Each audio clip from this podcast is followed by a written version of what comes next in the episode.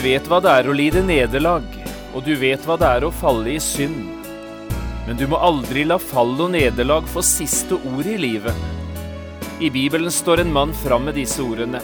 Gled dere ikke over meg, mine fiender. Når jeg falt, står jeg opp igjen.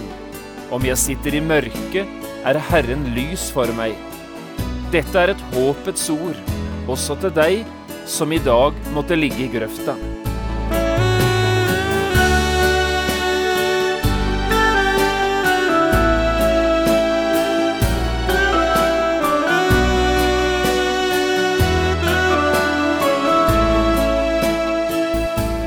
Hjertelig velkommen til et nytt program i serien Vindu mot livet. Programmet er produsert av Kristen Riksradio og blir ledet av Jon Hardang.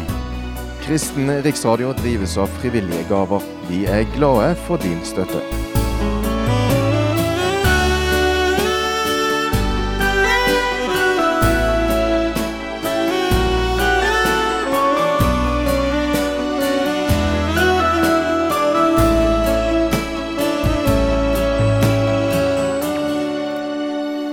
Vi skal også i dag fortsette bibelundervisningsserien Å bygge en bibelsk karakter. Og det handler nå om å bygge en bibelsk karakter som mann og som far.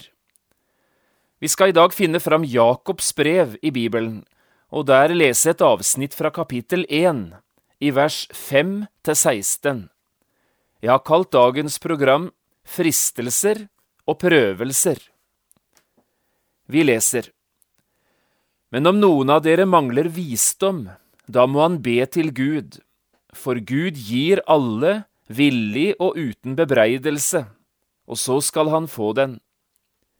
Men han må be i tro, uten å tvile, for den som tviler ligner en bølge på havet som drives og kastes av vinden.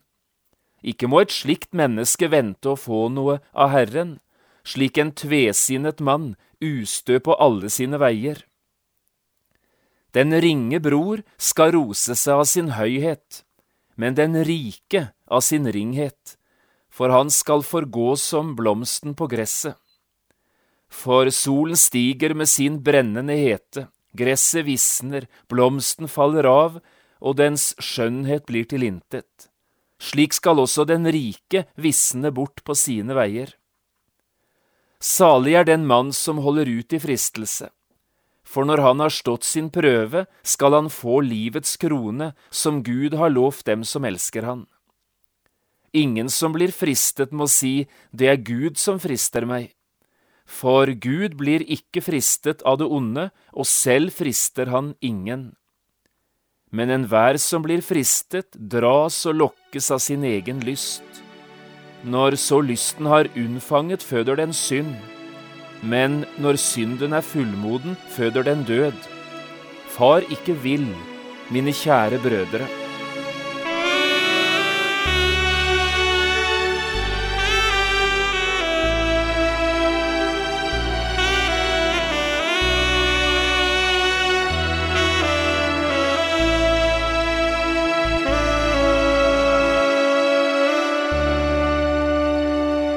En av sine bibeltimer forteller Chuck Swindle om en gang han var nær ved å drukne. Han forteller om det som hendte, omtrent slik. Jeg husker en gang jeg var så nær ved å drukne som jeg aldri har vært det noen annen gang i livet, verken før eller seinere. Vi hadde fått alle barna våre, men de var ennå ganske små. Og vi var på ferie oppe ved innsjøen Lake Tahoe, et perfekt sted for ferie og bading. Denne dagen var jeg nede ved sjøen sammen med et av barna, en liten gutt. Jeg gikk nede ved stranden og bar den vesle gutten på skuldrene mine. Mens jeg gikk der, kom jeg på den tanken at det sikkert hadde vært moro for han om jeg gikk litt ut i vannet mens han ble sittende på skuldrene. Som tenkt, så gjort. Jeg begynte å vasse litt rundt i det nokså kalde vann, og gutten hylte av begeistring. Jeg oppdaget med det samme at bunnen var uvanlig myk og nesten litt mudrete. Likevel fortsatte jeg forsiktig utover, selv om jeg visste at det kanskje kunne være farlig og glatt. Jeg ville være forsiktig med å gå for langt ut, for innsjøen, vet jeg, den var dyp, og bunnen både ujevn og noen steder ganske bratt. Mens jeg gikk der ute i vannet, stadig litt lenger utover, kom jeg på den tanken at det sikkert hadde vært artig om jeg gikk så langt ut at guttens små føtter kom helt ned i vannflaten. Dermed gikk jeg litt lenger ut, og etter en stund hadde jeg vann helt opp til halsen, mens guttens små føtter nå var helt nede i vannet. Jeg hoppet litt og danset ute i vannet, og det kjølige vannet sprutet opp på gutten som hylte av begeistring. Han klappet meg på hodet, dro meg i hår og rotet med brillene mine. Han syntes det var helt topp. Og jeg tenkte, selv om jeg dukker mitt hode under vann, så vil hans hode likevel være over vannet. Men også han vil ha vannet helt opp på livet. Det vil han sikkert like godt, selv om vannet var litt kaldt. Barn tåler slikt. Derfor tok jeg ett skritt til, og plutselig satte jeg foten rett ut i ingenting. Jeg mistet balansen og var i ferd med å falle. Prøv å se for deg denne situasjonen. Det var en grusom situasjon å havne i. Jeg kunne ikke slippe taket i gutten og legge på svøm, for da ville gutten havne ut i sjøen. Og han som ennå ikke hadde lært å svømme, kom til å drukne. Jeg kunne bare bruke beina mine og styrken jeg hadde i dem. Og gjett om jeg begynte å bruke beina. Jeg sparket vilt, men til min store forskrekkelse var det som vi drev litt lenger ut fra land. Nå hadde jeg vann helt opp til hodet. Ingen andre var i nærheten, og vannet nådde helt opp til nesen. Jeg gispet og forsøkte å få puste. Den vesle gutten forsto selvsagt ikke situasjonen. Han syntes det hele var forskrekkelig morsomt. Han fortsatte med å hyle og le og dra meg i håret og sparke med beina. Vannet sprutet rundt hodet mitt, og jeg var i ferd med å få panikk ved tanken på at jeg kanskje ikke ville komme fra dette med livet i behold. Jeg gispet etter luft og dro inn vann. Jeg var klar over at hvis jeg nå drukner, ja, så drukner også den vesle gutten min. Og den tanken kunne jeg ikke klare. Det var som den ga meg litt ekstra energi, så jeg sparket fra med foten mot bunnen. Og da jeg gjorde det, var det akkurat nok til å få fast grunn under tåspissen av den andre foten, og dermed kom jeg meg med et nødskrik inn på sikker grunn. Jeg husker at jeg nesten sjanglet innover mot stranden, og så kastet jeg meg ned mens jeg fortsatt gispet etter luft. Den vesle gutten forsto det ikke, men jeg skalv ved tanken på hvor nær jeg hadde vært den store katastrofen. Slik forteller Chuck Swindle det. Og denne nokså dramatiske situasjonen har noe å lære oss. Ikke bare om hvor viktig det er å være forsiktig når en er ute og bader sammen med små barn. Denne historien kan lære oss noe også om fristelser, og om noen av fristelsenes viktigste kjennetegn. Nå skal du høre. For det første, fristelser er like skumle og farlige som den skjulte, mudrete og ujevne bunnen på stranden av innsjøen Lake Tahoe. På overflaten ser vannet innbydende ut, men under overflaten ligger en svikefull og farlig bunn. Også en fristelsessituasjon kan se tillokkende og innbydende ut.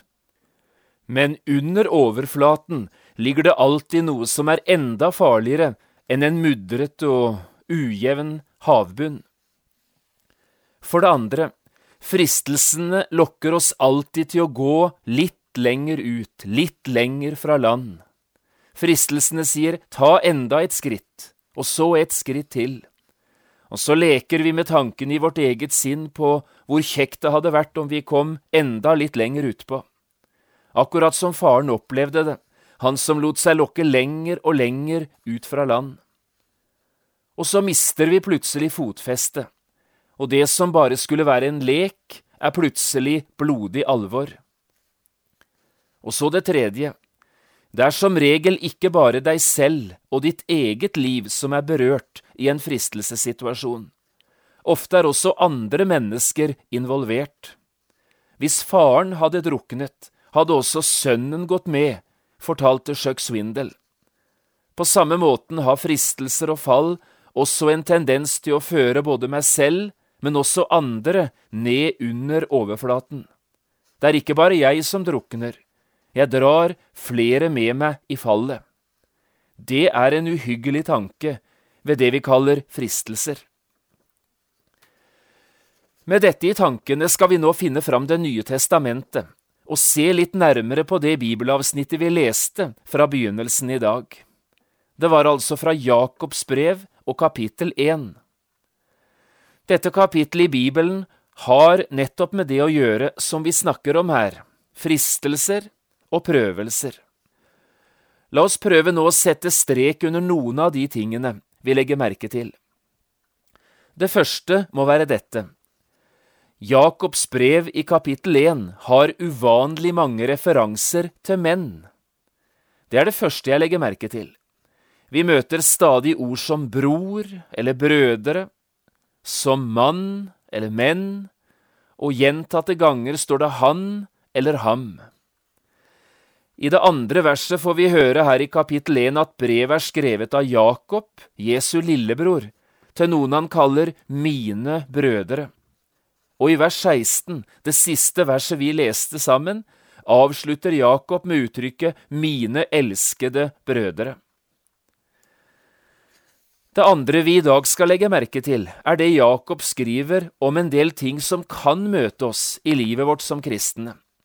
Ikke alle kristne møter det samme, og selv kan vi møte ulike ting til ulike tider. Dette handler altså om forskjellige omstendigheter og utfordringer, om vanskeligheter eller belastninger som vi møter i kristenlivet. Jakob er ganske konkret når han nå skriver. La oss se på avsnittet fra vers 5 til 11. Først får vi høre om vårt behov for visdom, eller kanskje rettere om mangelen på visdom. I vers 5 står det slik.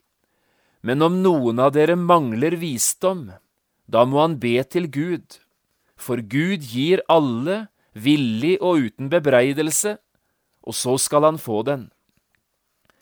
Alle som er menn og fedre, vet hva det er å mangle visdom. Kanskje har vi også bedt Gud om å få det, slik han inviterer oss til det her.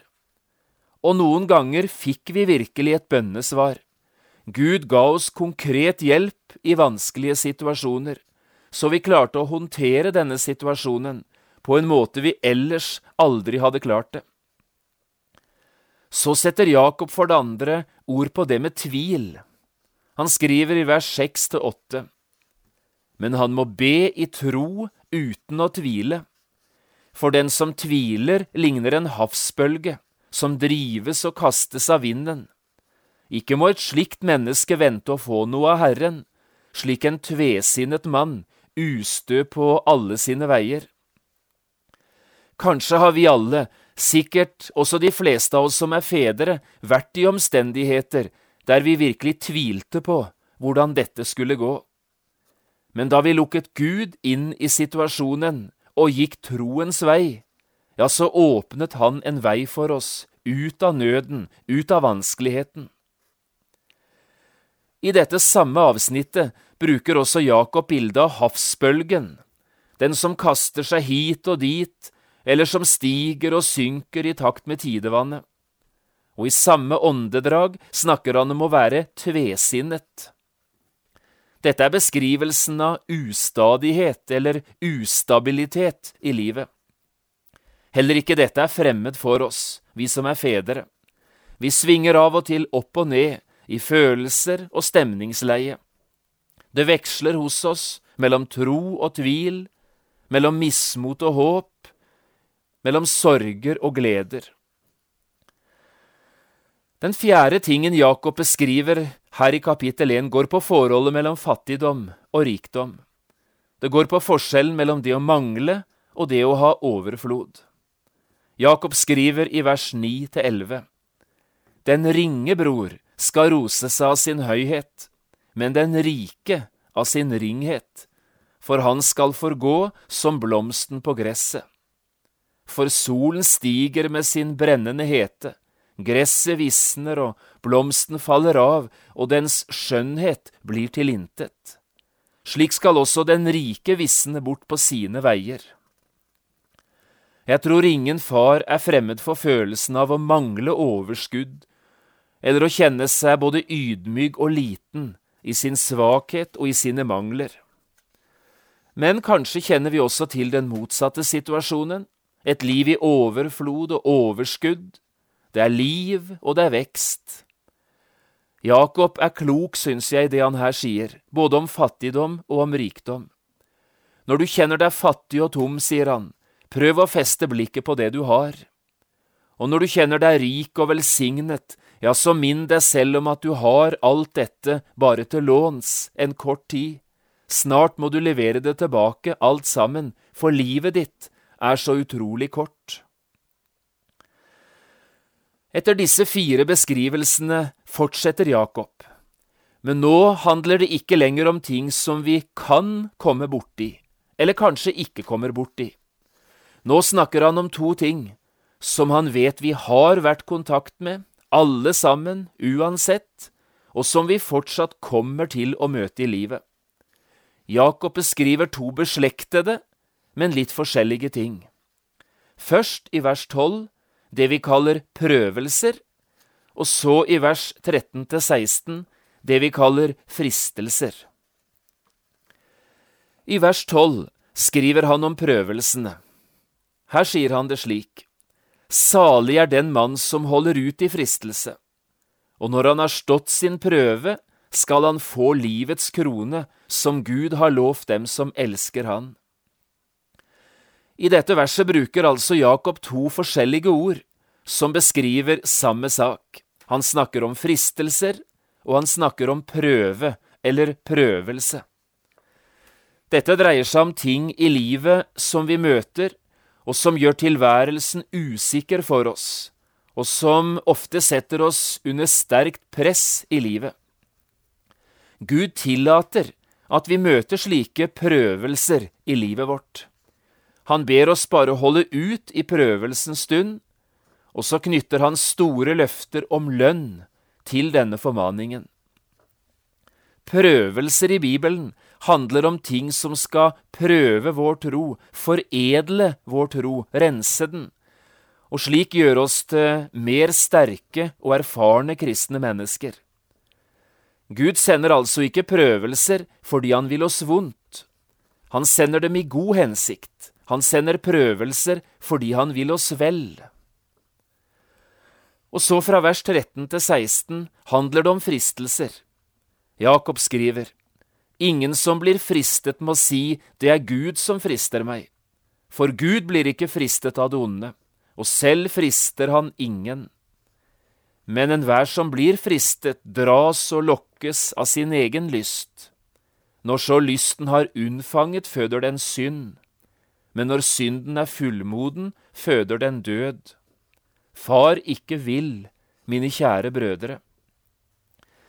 Her er det altså ikke snakk om prøvelser, slik vi møtte det i vers 12. Her er det snakk om fristelser, altså konkrete forsøk på å lokke oss til synd eller føre oss til fall. Dette står selvsagt ikke Gud bak. Fristelsene kommer fra en frister, de kommer fra djevelen selv. Ingen av oss kan heller si at vi aldri har møtt fristelser. Og ingen av oss kan si at vi aldri har falt i fristelse. Vi har møtt dem, og vi har noen av våre mest bitre erfaringer fra møtet nettopp med fristelsene.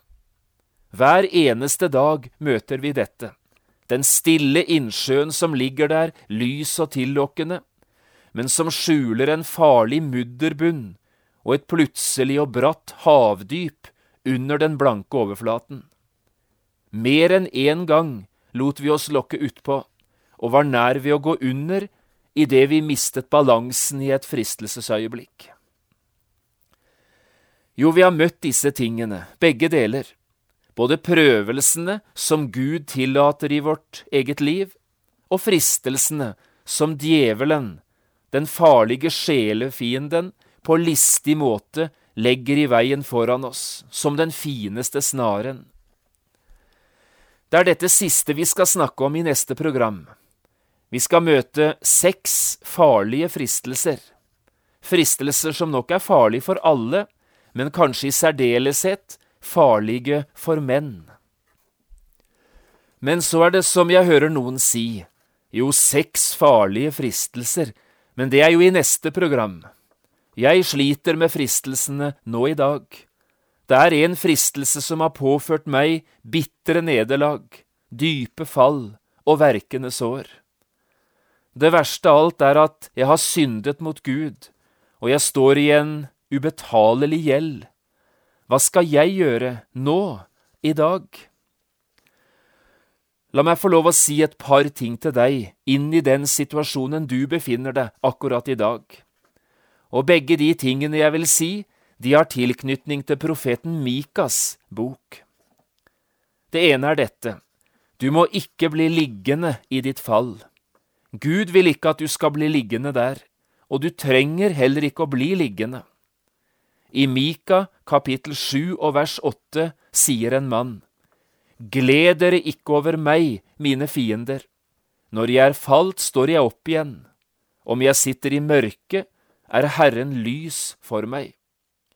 Du må ikke la fallet eller nederlaget få det siste ordet i ditt liv. Påkall Herrens navn, så vil Han komme deg til hjelp og reise deg opp igjen. Og videre, bekjenn dine synder for Gud. Tal ut med Han om ditt nederlag, og be Han så tilgi deg alle dine synder for Jesus skyld, og gi Han på denne måten anledning å reise deg opp igjen, i Jesu navn. Vet du hva Mika sier om denne frelsens Gud, her i kapittel 7, vers 18 og 19? Nå skal du høre. Hvem er en Gud som du, en Gud som tar bort misgjerning og går overtredelse forbi for dem som er tilbake av hans arv? Han holder ikke til evig tid fast ved sin vrede, for han har lyst til miskunnhet. Og hør nå, han skal igjen forbarme seg over oss. Han skal trå våre misgjerninger under føtter. Gud, du skal kaste alle deres synder i havets dyp. Dette er et håpets ord, også til deg som i dag ligger i grøfta, og som det har gått skikkelig galt for. Fall og nederlag trenger ikke å få det siste ordet i ditt liv. Guds nåde og tilgivelse er større enn alle dine synder.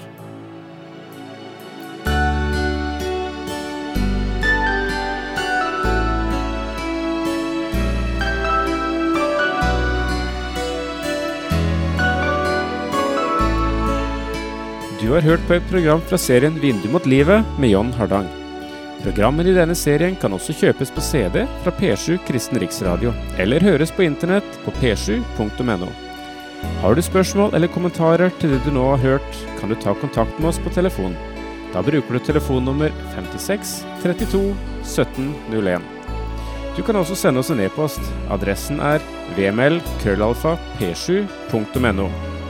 Takk for i dag, og på gjenhør.